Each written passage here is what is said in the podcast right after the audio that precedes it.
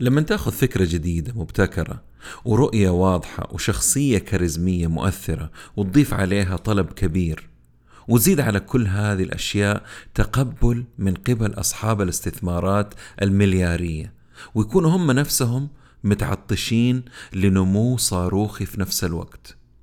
كل هذه المكونات يا إنها تعطيك نتيجة مربحة بشكل غريب عمره ما صار قبل كذا أو تنهيك أنت وفكرتك بسرعة تفوق تصورك وخيالك.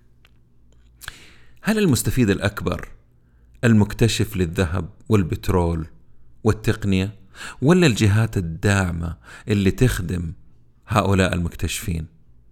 طيب مين مستفيد أكثر صاحب العقار ولا اللي يشغل العقار؟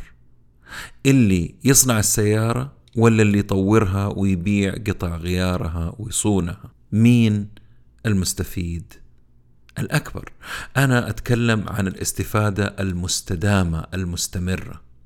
اليوم راح نغير البودكاست شوية ونخليه قصة. قصة مبنية على أحداث واقعية ونشتق منها بعض الدروس والمفاهيم عشان تعطينا فكرة عن العالم اللي إحنا عايشين فيه اليوم. عالم البزنس عالم مثير متغير وله جوانب كثير. ولأني بصراحة طفشت من التكرار والفلسفة والمثاليات الغير مفيدة أدور الدروس والمفاهيم الجديدة والقديمة وتأثيرها على حياتنا. أقابل المفيدين فقط بغض النظر عن شهرتهم. بودكاست عالمي بنكهة محلية وأهم شيء عملي وعربي. يا هلا وسهلا بالجميع في بودكاست نتكلم بزنس مع ممدوح الردادي. عشان أعطيكم فكرة بس عن أحد الشخصيات اللي راح أتكلم عنها اليوم تخيلوا التالي. جاته فرصة ياخذ مبنى ويستثمره ولكن ما عنده شيء يقدمه. راح وفي ليلة واحدة ابتكر اسم لشركة. اشترى ال domain عشان موقع شركتهم على الانترنت صمم الاسم واللوجو وعمل الموقع رسم خرائط بدائية لفكرته عمل business plan خطة عمل. كل هذه الحاجات حصلت في ليلة واحدة بسبب إنه ما كان معروف هو وزميله ما كانوا معروفين وحب يقدم كل الأشياء هذه اليوم الثاني عشان يبين إنهم كانوا هو وشريكه شغالين لهم فترة على فكرة المشروع. والآن آه، قبل ما نتكلم عن قصة آه، الثلاثة الأبطال حقون قصتنا حقت اليوم طبعا هم ثلاثة هذا الشخص اللي جبت سيرته وفي شريكه وفي واحد مهم ضروري جدا نتكلم عنه. بس قبلها أبغاكم تتخيلوا معايا لو أحد جاكم عام 85 ميلادي وقال لكم أنا أبغى أعمل محلات تبيع قهوة مختصة فقط آه، بثلاثة دولار يعني ب 12 ريال القهوة. ستاربكس أو في 2008 قال لكم أحد يبغى مبلغ بسيط عشان عنده فكرة يبغى يأجر غرفة فاضية في بيتهم مش الشقة غرفة فاضية. اير بي ان بي أو في 2009 أحد قال لكم عندي فكرة تطلب سيارة بجوالك و... وتجيك سيارة توصلك وأنا ما عندي أسطول سيارات ولا عندي أصلا امتلك ولا سيارة أوبر. أو في 94 واحد قال لكم أنا أبغى أعمل متجر إلكتروني ما يبيع إلا كتب. أبغى أكون أكبر مكتبة في العالم إلكترونية تبيع كتب. أمازون. ردة فعلكم اليوم مية في المية ما أبغى أدخل في تفاصيل. ما حتكون نفس ردة فعلكم في ديك الأيام إنه في نفس الوقت هذا ما حد جاهم ما حد عبرهم ما حد أعطاهم سيولة ولا حد أعطاهم حتى وجه. هم بنفسهم بنوا نفسهم وأسسوا شركاتهم ومؤسساتهم وأفكارهم حولوها لواقع ومع الأيام جاتهم المليارات. قبل ما أقول لكم على الشركة اللي أسسها بطل بودكاست اليوم هو وشريكه المشاكس لاري إليسون المدير التنفيذي والملياردير حق أوراكل قال إنه ما عندهم سالفة ومصدقين نفسهم إنهم شركة تقنية ويبغوا أرباح نفس أرباح شركات التقنية. ما عندهم حتى ولاء. كل هذا لأنه سمع إنه تم تقييم شركتهم قبل طرحها في أسواق الأسهم IPO ب 47 مليار دولار أنجن الراجل. ميغيل ماكيلفي بدأ حياته في منطقة شعبية مشتركة. كان عنده خمسة أمهات حسب كلامه بدون أب أو بدون رجال في المنطقة اللي هم عايشين فيها. حياته كانت بدائية بطريقة غريبة يعني زي ال hippie life آه، ترجمتها ما أعرف إذا زي آه، شبيهة بالحياة الغجرية ولكنهم هيبيز مختلفين عن الغجر. من صغره كان عايش في بورتلاند أوريغون كان نفسه وحلم حياته إنه يروح نيويورك ودائما يكررها. ولما يسألوه إيش تبى تسوي لما تكبر يقول لهم أبغى أروح نيويورك ويحلم بالانتقال لهذه المدينة الساحرة. أتربى مع خمسة أمهات وأربع أخوات وكان يحب الرياضة لأنه إنسان يعني شاب طويل جدا 6 آه، فوت زي ما يقولوا 2 متر تقريبا ولكنه ما كمل آه، رغم أنه كان ممتاز فيها. آه، السبب إنه كان يحب دراسته وإلى آخره. درس الجامعة وتخصص في الهندسة المعمارية. بعدها حاول في كم شركة في اليابان. ما أدري يعني آه، أبطال القصة هذه مربوطين في اليابان بطريقة غريبة يعني. ما ما بحثت في الموضوع ولكن كلهم حاولوا يسووا شيء في اليابان فما نفع. ولكن في 2004 حاول يلقى وظيفة في نيويورك ولقى وظيفة في الأخير في شركة حس إنها تناسبه يعني آه، ما هم زي المكاتب المعمارية ال architecture الكبيرة اللي دائما تلقاهم ببدل ومرتبين لا هذول easy going casual العالم اللي فيها فقدم وقبلوه. لما قبلوه هو كان في بورتلاند ما هو عايش في نيويورك مع إنه قايل لهم إنه هو عايش في نيويورك. عمل حيلة إنه العنوان حقه كان في نيويورك لأنه قبل كذا لما يرسل من بورتلاند ما حد يرد عليه. فالشاب هذا كان ذكي وحط عنوان في نيويورك اتورط قالوا له خلاص نبغاك تبدأ من بكرة. قال لهم كيف بكرة؟ ما يمديني. طيب خلوه الأسبوع الجاي. اتفق معاهم إنه بعد ثلاثة أيام يجي. كلم أمه عبت عفشه وانتقل وفعلا نقل في خلال يومين لنيويورك. الشيء الثاني اللي استغربته إنه أول وظيفة له كان عمره 30 سنة. يعني ما هو صغير ما هو تو متخرج من جامعة. آه وراتبه كان 10 دولار في الساعة. ورغم هذا ما عنده كان شيء يخسره وحبه لمدينة نيويورك فاستمر. الشركة حظه كمان برضه لعب دور هنا. اللي اشتغل فيها كان المكتب المعماري جاته فرصة ينفذوا ثاني فرع لشركة أمريكان أبارل أمريكان أبارل هذه شركة مرة ضخمة في أمريكا تبيع عن طريق الجملة. فهذا كان ثاني فرع ريتيل لهم تجزئة وعاملينه في مانهاتن. وهذا على جيته جاته فرصة إنه يشتغل واشتغل معاهم وأنجزوا. ودخلوا هذول الجماعة في الريتيل بيختبروا نفسهم. اكتشفوا إنها مربحة جدا. فبعد الفرعين أعطوهم ستة فروع ينفذوها لهم. وبعدها أعطوها 20 فرع. وبعدها أعطوهم 40 فرع. ما بين 2004 و 2008 فتحوا الشركة هذه في أربع سنوات 200 فرع في أنحاء أمريكا. وهو كان في فريق العمل وإدارة المشاريع. فتعلم من الضغط والعمل المتواصل الطلبات الخاصة من صاحب الشركة والتهديدات المستمرة. وكل اللي كان بيعمله إنه بيزيد التعلم عنده. إلين ما انتهى هذا الشعور إنه يعني بيتعلم وبدأ يفكر في أشياء ثانية يعملها. في الفترة هذه طبعا نسيت أقول لكم إنه هذا آه، إسرائيلي. ما لا هو مو إسرائيلي زميله الإسرائيلي أيوه صح. بدأ التفكير في إنه يغير ويدخل في شيء ثاني. الفترة هذه تعرف على صديق إسرائيلي معماري وعزموا هذاك الصديق على بيته في نهاية الأسبوع في الويكند. وهنا تبدأ الحكاية.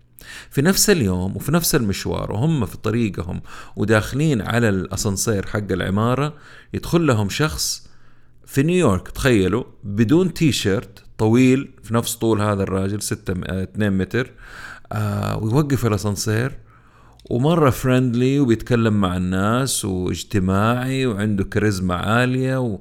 ويمسك الأسانسير لما يخلص كلامه. في الأخير شخصيته مرة قوية طلع زميل اللي عزمه.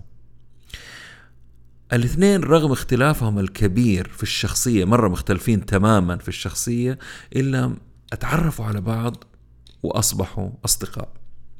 في هذاك الوقت صديقه الجديد اللي هو اسمه آدم نيومان كان عنده مشروع ريادي جديد لملابس أطفال بطريقة مبتكرة.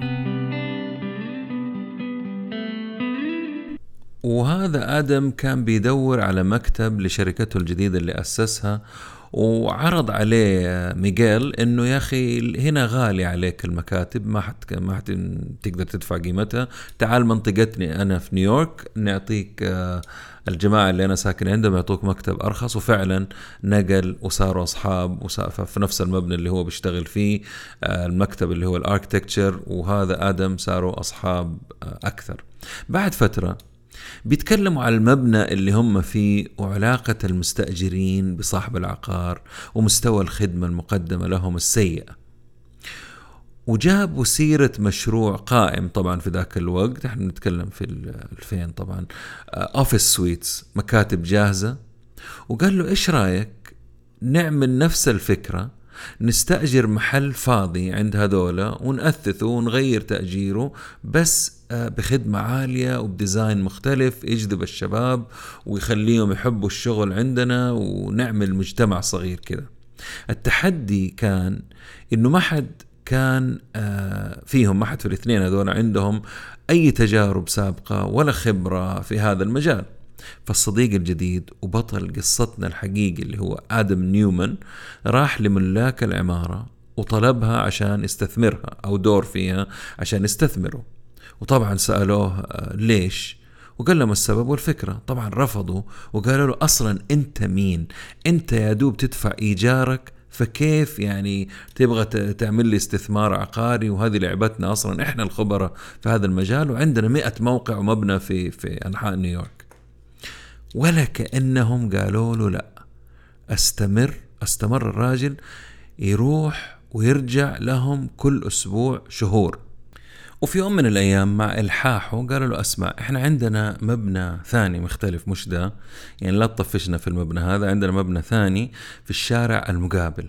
تعالوا شوفوا يمكن يعجبكم. وفعلا شافوا المبنى متهالك قديم ولكن عجبهم الموقع. يطل على إيش وإلى آخره. يعني كموقع عقاري رهيب جدا. وقال لهم صاحب المبنى خذوا. أه بس أنا بسألكم واحد سؤال. إيش راح تعملوا فيه؟ وهنا قدام الأمر الواقع راح ميغيل زي ما قلت لكم في البداية راح بيته في نفس اليوم واخترع اسم Green Desk خطة عمل اشترى domain عمل موقع على الإنترنت ونموذج عمل و business plan وتصميم مبدئي لفكرتهم وكان جاهز. ليش؟ يعني ولا ننسى ال business cards طبعا عمل له business cards ماني عارف كيف طبعها. أظن في محلات اللي تطبع بسرعة. عشان لما يسألوه ثاني يوم يبان إنهم شغالين عليهم على الفكرة هذه لهم فترة مرة طويلة. يا أخي بصراحة عبقري.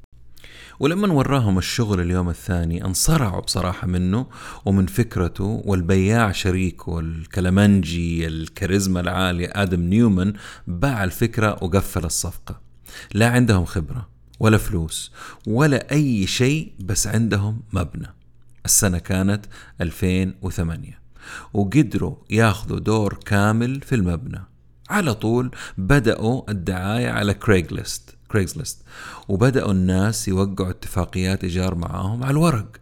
ومكاتبهم كانت تقريبا تبدأ من 300 دولار, دولار إلى 1000 دولار للمكتب اللي يشيل أربع أشخاص. أخذوا بعدها خمسة أدوار.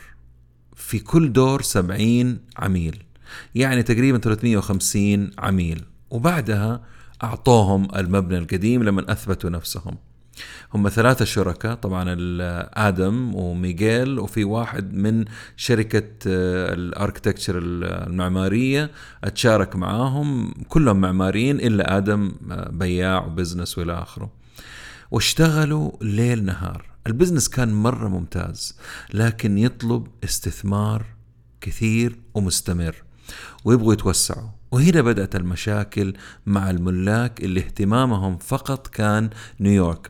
وهم يبغوا سان فرانسيسكو ولندن وعندهم فكرة خلاص vision يبغوا يكبروا الموضوع ويتوسعوا في كل العالم. اللي حصل في الأخير باختصار باعوا الشركة اللي هي Green Desk للملاك حقون المبنى واعطوهم مقابلها تقريبا 3 مليون دولار يعني كل واحد حصل على مليون دولار. آدم وميغيل مؤمنين بفكرتهم قرروا إنهم يعملوا شركة جديدة بالفكرة الجديدة هذه وشريكهم الثالث رجع إسرائيل وعاش حياته هناك. بعد فترة بيبحثوا عن الاسم اكتشفوا انه الاسم وهم جالسين في الليل مع أصحابهم WeWork كلمة We هي المركزية وهي اللي ركزوا عليها اللي هي ترجمتها إحنا. ف WeWork أصبحت هي العلامة أو ال brand اللي حيشتغلوا عليه. بدأوا يدوروا في نيويورك وفي سان فرانسيسكو ورجعوا لنقطة البداية. يعني لازم يقنعوا الناس بفكرتهم وبالعلاقات قدروا يحصلوا على مبنى بشق الأنفس. وفرصتهم كانت جيدة لأنه الوقت اللي كانوا بيبدأوا فيه تخيل جيدة وسيئة بالنسبة للعالم لأنه كان في نكسة اقتصادية في الفترة هذيك آه وكان في خروج من الأزمة الاقتصادية وناس تركوا وانطردوا من وظائفهم ال bankers والمستثمرين وال investment bankers فكلهم بدأوا كانوا بيفكروا أنهم يبدأوا شغل خاص لنفسهم. آه المبنى أحتاج للأسف ثلاثة مليون دولار عشان يترمم ويتجهز المبنى اللي لقوه بالواسطة. من ضمن القصص اللي عجبتني بصراحة في إصرارهم ميغيل بالذات هذا شخصية عظيمة إنه المبنى اللي بيرمموه أحتاج تسليك ولما طلبوا فواتير جاتهم فواتير ب 87 تسليك كهرباء طبعا آه انت بتتكلم على مبنى كامل فجاتهم فواتير ب 87 ألف دولار انت بتتكلم على 300 ألف ريال وواحد جاب لهم قال لهم 100 ألف كذا رقم صافي 100 ألف. لما جاهم الرقم هذا المية ألف ميغيل هو وأخوه قعدوا يفكروا يعني ليش مية؟ ليه مو مية وواحد مية وثلاثة سبعة وتسعين؟ فحسوا إنه في ضحك في الموضوع عليهم فاستغربوا من الرقم وبدأوا يحللوا الموضوع يفصلوه تفصيل واكتشفوا إنه مو مبالغ فيه مبالغ بطريقة مفجعة عشر أضعاف التكلفة. فهم بنفسهم راحوا وجمعوا القطع وكلفتهم القطع والتسليك ثمانية ألاف دولار وهم اشتغلوا بنفسهم بيدهم وسلكوا المبنى كامل يتعلموا كيف يسووه في خمسين ساعة عمل. بعد ما انتهوا صار عندهم مكاتب بشكل مميز مختلف غريب مصمم بطريقة جذابة للشباب والناس اللي هم يبغوهم آه، اللي يبغوا يبدأوا بزنس ومحتاجين مكتب. أول افتتاح لهم أجروا 70% وبعد شهرين الدورين الأول والثاني أتأجروا. في الوقت اللي كانوا بيشتغلوا فيه ومهتمين بشغلهم آه، ومستمرين فيه في جاهم مستثمر من واحد من أصحاب العمارة يعني هم راحوا المبنى يبغوا يستأجروه فقال لهم صاحب العمارة أنا بصراحة ما عندي نية أشتغل معاكم ولكن شوفوا فلان صاحبي احتمال عنده اهتمام. هذا الراجل طنشوه فهو راح من وراهم وبدأ يفتش وسألهم وجاهم وقال لهم بستثمر معاكم فرفضوا في البداية. بعدين بعد إصرار المستثمر هذا قالوا طيب إيه، خلينا نجرب. فإيش قاموا؟ قاموا رموا رقم خيالي عشان يطفشوه.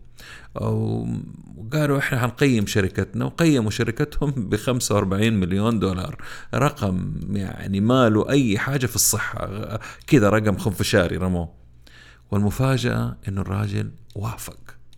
أعطاهم جزء بسيط من المبلغ وأعطاهم ثقة في نفسهم أنهم يقدروا يفكروا بطريقة أكبر وكيف ممكن المستقبل ينتشروا. يعني تخيلوا في شخص جاكم وقال لكم أوكي أنا موافق على تقييمكم للشركة ب 45 مليون هذه 2 3 مليون وكمان أديكم 2 مليون قدام شوية. ففي ثقة صارت عندهم. ومع الوقت أتوسعوا وزادوا المستثمرين عندهم. سرهم إنهم كانوا يبنوا بسرعة ويأجروا بسرعة وما يتعطلوا ابدا وكل موقع نجح اللي سووه وبالتالي وصفتهم زودت ثقة الناس في فكرتهم واهتمامهم الزائد عن اللزوم بعملائهم. يعني تتكلموا على اهتمام منقطع النظير أحسن قهوة أحسن خدمة أحسن حفلات تحصل عندهم جمعات خرجات مهتمين بشكل مرة كبير في النزلاء أو المستأجرين اللي عندهم. ف راح أتكلم عن ال... يعني هم كان في منافسة لهم راح نتكلم عنها في آخر البودكاست. فما كانوا يوعدوا المستثمرين بوعود خرافية أو خيالية مجرد إنهم راح يتوسعوا ولكن بسرعة.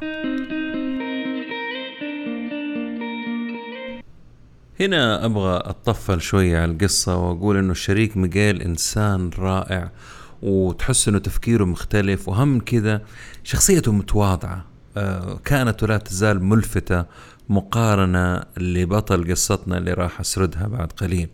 في مقابلة قبل سنة تقريبا سألوه آه، أو سألته المذيعة ما تخاف تتبخر ملياراتكم زي بعض الشركات؟ قال لها إحنا لازلنا بنحاول نتعلم إيش اللي بنعمله.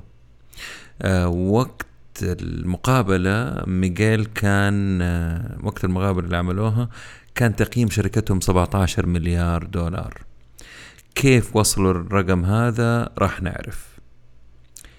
بطل القصة الثاني والأهم على فكرة هو آدم نيومان من مواليد عام سبعين عمره أربعين سنة ولد في إسرائيل أبوه وأمه انفصلوا عمره سبع سنين آه، هاجروا لأمريكا مع أمهم في رحلة علاج وإلى آخره هو وأخته.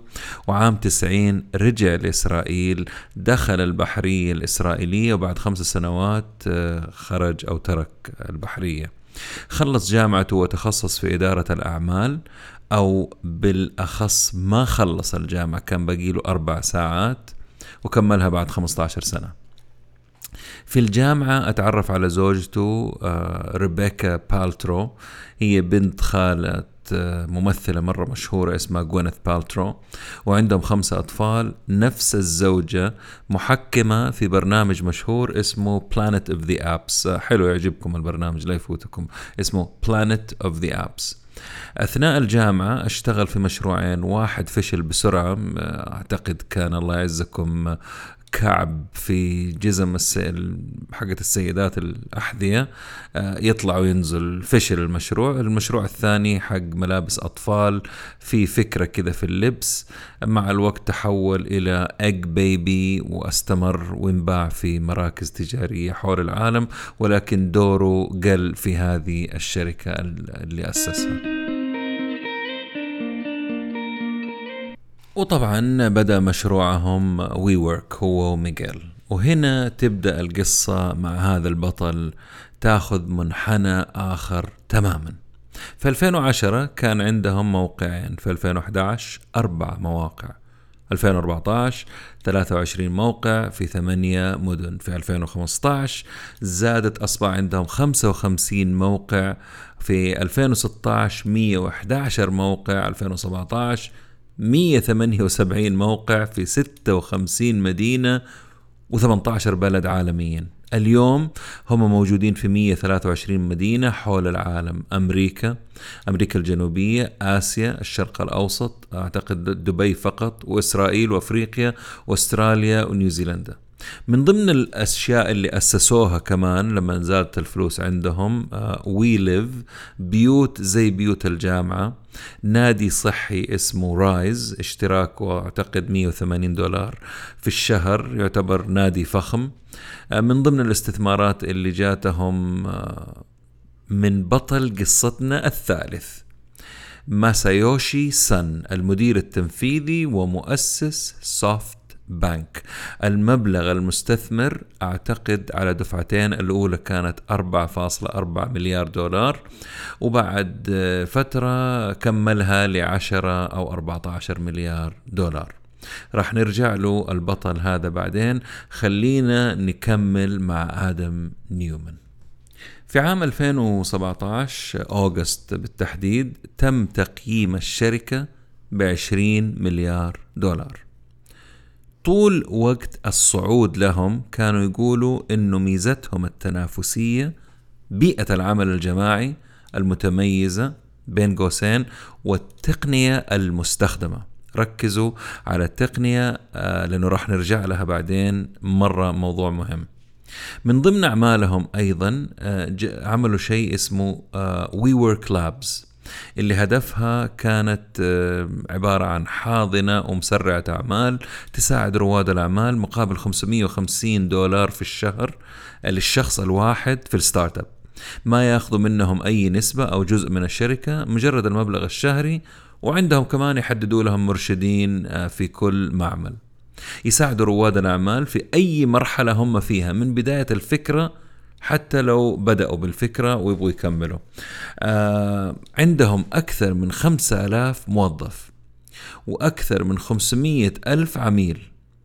عندهم آه عقود خاصة عاملينها مع مايكروسوفت مع فيسبوك آه ستاربكس آه سبوتيفاي سامسونج و Salesforce إجمالا عشرين ألف شركة مختلفة.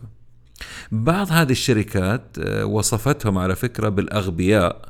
مقابل العرض اللي بيقدموه لهم آه، المدفوع يعني. قال لهم طبعا أكيد نوافق. إذا أنتم حتهتموا بكل شيء وإحنا بس ندفع لكم مبلغ مقطوع أنتم تسووا كل شيء فبيتريقوا عليهم. عندهم مبنى كامل ل Airbnb في برلين وعندهم مبنى كامل لامازون في بوسطن ومبنى كامل في نيويورك ل IBM عندهم 400 مختص معماريين مهندسين مصممين ديكور مقاولين إلى آخره.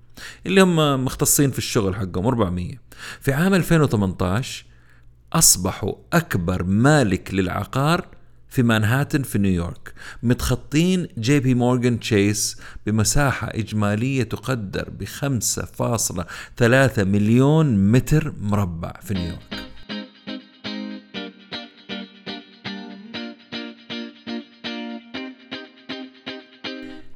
قبل ما نتكلم عن السيد ماسايوشي سان أو سن زي ما يسموه خليني أعطيكم فكرة سريعة عن المنافسة ل WeWork عالميا لأنهم ما كانوا هم الأوائل ولكن في شركة Servcorp سبقتهم من عام 78 في أستراليا. في ثلاثة شركات عملاقة عالميا Regus Servcorp و Knotel.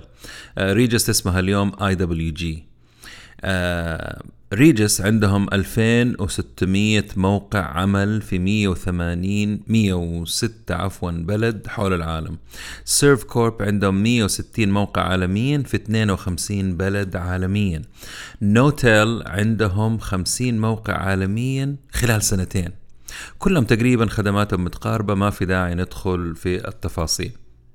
عشان نوصل لنقطة البودكاست هذا أو نقاطه المهمة لابد نتكلم عن سبب تدهور قيمة WeWork من 47 مليار دولار لأقل من 12 مليار دولار خلال شهر أو أقل من شهر وانسحابهم من الاكتتاب آه، اللي كان في شهر أكتوبر.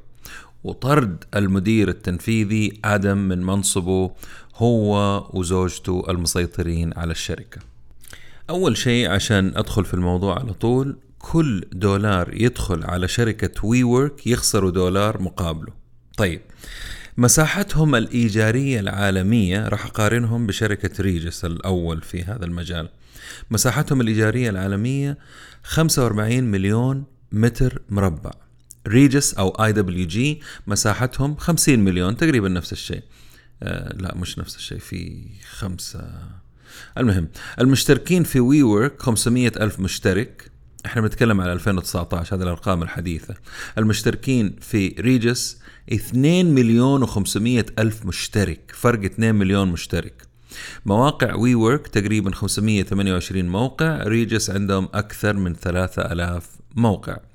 WeWork موجودة في 111 مدينة عالميا Regus موجودة في 1000 مدينة عالميا. WeWork موجودة في 29 بلد Regus موجودة موجودة في 120 بلد. عدد ال workstations أو محطات العمل عند WeWork 604 ألف وعند Regus 547 ألف. نجي على الدسم. إيرادات WeWork في 2018 كانت 1.8 أو 1.8 مليار دولار. خسائرها كانت 1.9 مليار. إيرادات Regus في 2018 كانت 3.4 مليار وخسائرها فقط 500 مليون.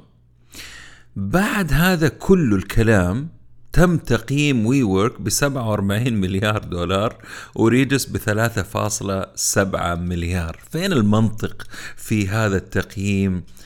مو أنا اللي قلت السوق العالمي السوق هو اللي نطق وهو المستثمرين هم اللي استثمروا. وهنا طبعا لما صار التقييم انفجر العالم وول ستريت والمحللين والاقتصاديين على شركة WeWork وحطوهم تحت المجهر وفصفصوهم لدرجة ما حد يتمنى إنه يتفصفصها.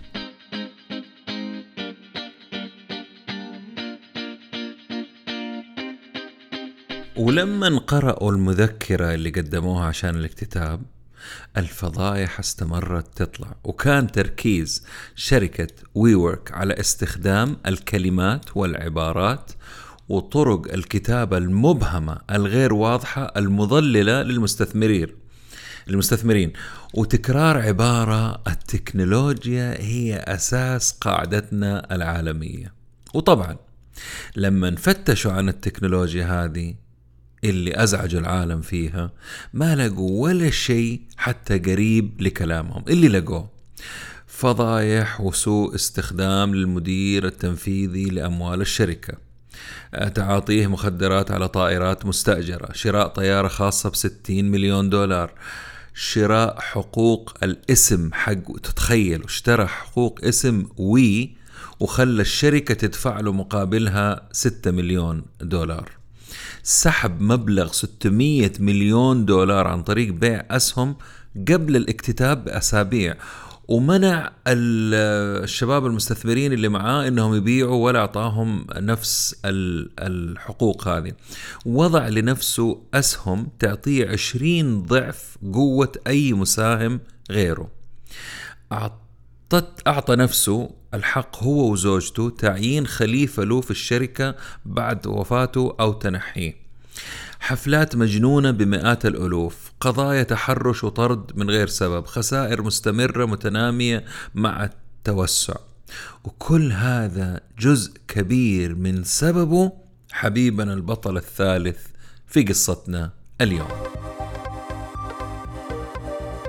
السيد ماسايوشي سان الملياردير الياباني الكوري المؤسس والمدير التنفيذي ل SoftBank الذي أه تقدر ثروته اليوم بحوالي 15.3 مليار دولار. هو بطل قصتنا الثالث. ولد ماسايوشي في جزيرة كيوشو اليابانية عام 57 ميلادي لأب وأم كوريين مهاجرين لليابان في ذاك الوقت. في عام 72 وعمره 16 سنة تحققت أمنية حياته الأولى في مقابلة أبو الروحي موزع ماكدونالدز في اليابان السيد دين فوجيتا. ولما سألوا إيش يعمل بحياته وصاه إنه يدرس كمبيوتر في أمريكا. سمع كلامه وراح على كاليفورنيا جامعة بيركلي ودرس اقتصاد وعلوم كمبيوتر. قبل ما يوصل عمره 21 سنة هذا العبقري اخترع مترجم أو برنامج مترجم لعدة لغات واشترته منه شركة شارب بمليون دولار في ذاك الوقت. في الثمانينات أسس SoftBank وكان شاطر جدا ومتهور جدا في نفس الوقت وما عنده كلمة لا في قاموسه من ضمن القصص حقته إنه في اليابان آه، قال لزملائه في سوفت بانك اللي أسسه إنه راح يعمل 75 مليون دولار في الخمس سنوات القادمة. أغلبهم استقالوا وقالوا هذا صار مجنون وعنده داء العظمة. كانت تحدياته ومراهناته مجنونة وكل مرة مو ما تسلم الجرة تسلم الجرة زي ما يقولوا.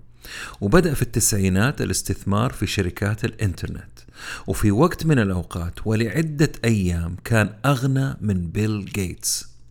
ولما انفجرت فقاعة الإنترنت في ذاك الوقت خسر 70 مليار دولار. يقال إنها أكبر خسارة شخصية لأي إنسان في التاريخ.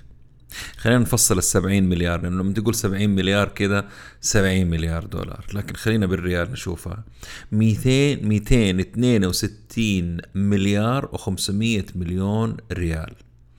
ومع معادلة التضخم آه، مع فلوس اليوم المبلغ يصبح بدل 70 مليار يصبح 109 مليار دولار يعني 381 مليار ريال. يعني ومعها شوية فراطة. شوية الفراطة هذه 500 مليون ريال. المهم في فرق 119 مليار سعودي بعد عملية حساب التضخم. أعتقد كلنا مستمتعين بالمليارات وتخيلوا الأصفار في حساباتنا البنكية. آه قولوا يا رب وليش لا؟ خلينا نكمل. اكتشف في وقت مبكر إنه اليابان ما هي مستعدة لموجة التقنية القادمة لأنه بنيتها التحتية الإنترنتية ما هي جاهزة وتحتاج إعادة تسليك زي ما يقولوا.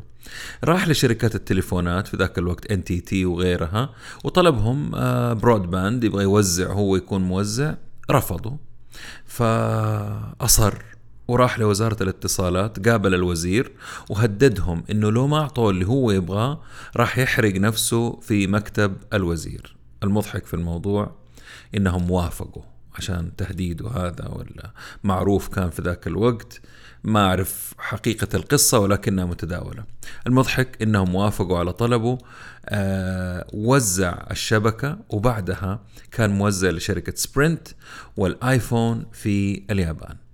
بعد ما جمع الفلوس الملايين خلينا نتكلم كان لازم يستثمر. ما تاب بعد آه، خسارته الفادحة في فقاعة الإنترنت ولكن الحظ مع المستثمرين هذولا اللي يبحثوا باستمرار ويعرف إيش يبغى يحالفهم.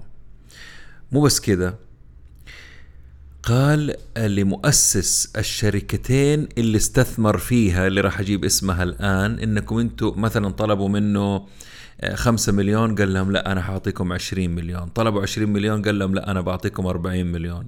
واحدة من الشركات ياهو والشركة الثانية علي بابا. تخيلوا إنه جاهم في بدايتهم. قال لي جاك ما مؤسس علي بابا. قال له خذ 40 مليون مقابل 49% رفض هذاك قال له لا يا عمي أنا آخذ منك 20 مليون مقابل شيء 20 أظن 26% فوافق طبعا. صار يمتلك 26% من علي بابا في بدايتها. في بدايتها يا جماعة الخير. الشركة هذه انفجرت لما دخلت على سوق الأسهم. عشان بس كذا يعني نعطيكم فكرة إيش ال 26% في علي بابا تسوى. ال 20 مليون دولار اللي استثمرها عملت له تقريبا 100 مليون 100 ماني حتى أنا شايفها قدامي بس بقراها غلط. 100 مليار دولار عوائد. خلينا نوقف هنا ونستوعب الرقم المهول هذا. شوية بس. احتراما للاستثمار هذا. خلاص كفاية.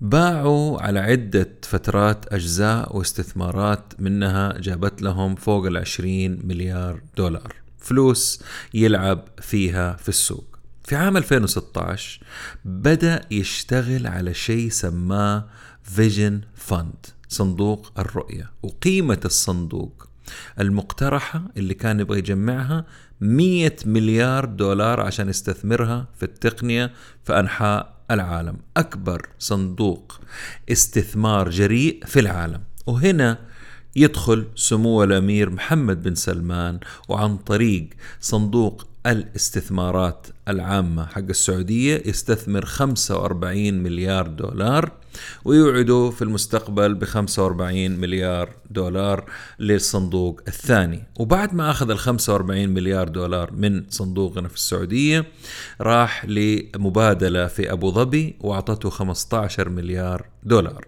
وبكذا جمع في الخليج 60 مليار دولار. والباقي مليارات طبعا من باقي أنحاء العالم ومن مستثمرين كثير.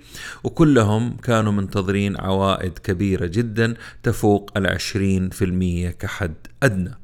من خلال صندوق الرؤية هذا أستثمر في شركات عملاقة مثل فليب كارت الهندية دور داش لتوصيل الطعام أوبر ووي وورك حقت حبيبنا آدم نيومان وزميله أو شريكه ميغال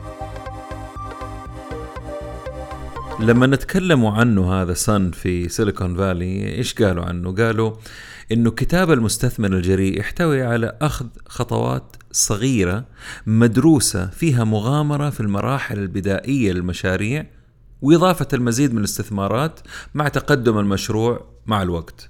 بينما استراتيجية SoftBank ضخ سيولة مفجعة أقل استثمار عندهم 100 مليون تقريبا وأكبر استثماراتهم بالمليارات.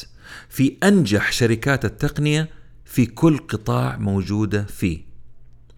وقد سمي أقوى شخصية في Silicon Valley هو ورؤيته في الاستثمار وتحويل قطاعات العقار والنقل والأكل والذكاء الاصطناعي. يمتلك أغلى قطع العقار في طوكيو اليوم من أغلى قطع الغيار وبيته في سيليكون فالي قيمته 117 مليون بس.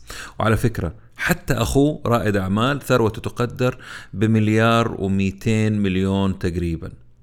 علاقاته تمتد لأكبر وأقوى شخصيات العالم بما فيهم بطل قصتنا الثاني مؤسس WeWork آدم نيومان واللي بعد لعبه وتخبيصه أوصى سن بتنحيته من منصبه كمدير تنفيذي هو وزوجته والقصص اللي عاملها وإبعاده عن الشركة وفعلا في الفترة الحالية تم وضع co-CEO أو مدير تنفيذي جديد محله. من الأمور الغريبة إنه آدم نيومان يعني إنه رؤيته كانت آه، في البداية خلق أماكن تقترب فيها مختلف أنواع الناس وبعد ما ذاق طعم النجاح والقوة تغير. أصبح يردد إنه يبغى يكون أول مو billionaire trillionaire في العالم. بعد ما كان يقول آخر شيء يفكر فيه الفلوس المضحك إنه حياته أسلوبه طريقته كبرياءه تعامله مع الناس والموظفين فضايح في فضايح كان يقول غير هذا الكلام تماما. آه ويعني للأسف الشديد لطاح الجمل كثرة سكاكينه. بعد ما سمعنا القصة طبعا الشركة من تقييم 47 مليار نزلت لتحت ال 12 مليار دولار. آه، كثير من مشاريعهم الفرعية معروضة للبيع. آه، تخفيض الصرف اللي بتصرفه الشركة وقف عملية الاكتتاب طبعا زي ما قلت وغيرها من أمور بيحاول المستثمرين ومجلس الإدارة إنقاذ الشركة آه، قبل ما تغرق. والآن أنا عارف أني طولت عليكم لكن أبغى أضيف من عندي بعض النقاط آه، حول هذه الشركة وقصتها حتى نستفيد أكثر من هذه القصة. أول ملاحظاتي أنه آه، الفقر وأماكن تربية أبطال قصتنا كانت مشتركة للثلاثة الأبطال اللي في القصة وأثرت على حياتهم الشيء الثاني شخصياتهم مختلفة ولكنها قوية وعنيدة جدا وروح المغامرة عندهم عالية عندهم تقبل للمغامرة مرة كبير. ثالث الأمور النجاحات المتتالية. كان يعني فيها فشل في وسطها ولكن كانت عوامل مساعدة لهم كلهم الثلاثة. إمكانية آه، التقاط الأفكار المختلفة وتقديمها بطريقة مبتكرة للش يعني للشباب كانت واضحة بصراحة. يعني يشوفوا شغلة يعني مين يطالع في العقار ويقول والله أنا خليني أنافسهم بس أعمل تويست هنا وتغيير هنا؟ فكان عندهم كلهم كل الثلاثة عند يعني واحد كان يدور استثمارات اللي هو سن ولكن آدم وميغيل كانوا بيطالعوا في شغلة هم متخصصين فيها فاهمين فيها وعندهم رؤية وعارفين مشاكل أو الأوجاع اللي بتواجه الناس اللي بي اللي يبغوا مكاتب فحلوها. رؤية سن الياباني بعيدة المدى وروحه اللي تحب المغامرة ساعدته رغم خطورتها العالية جدا جدا يعني.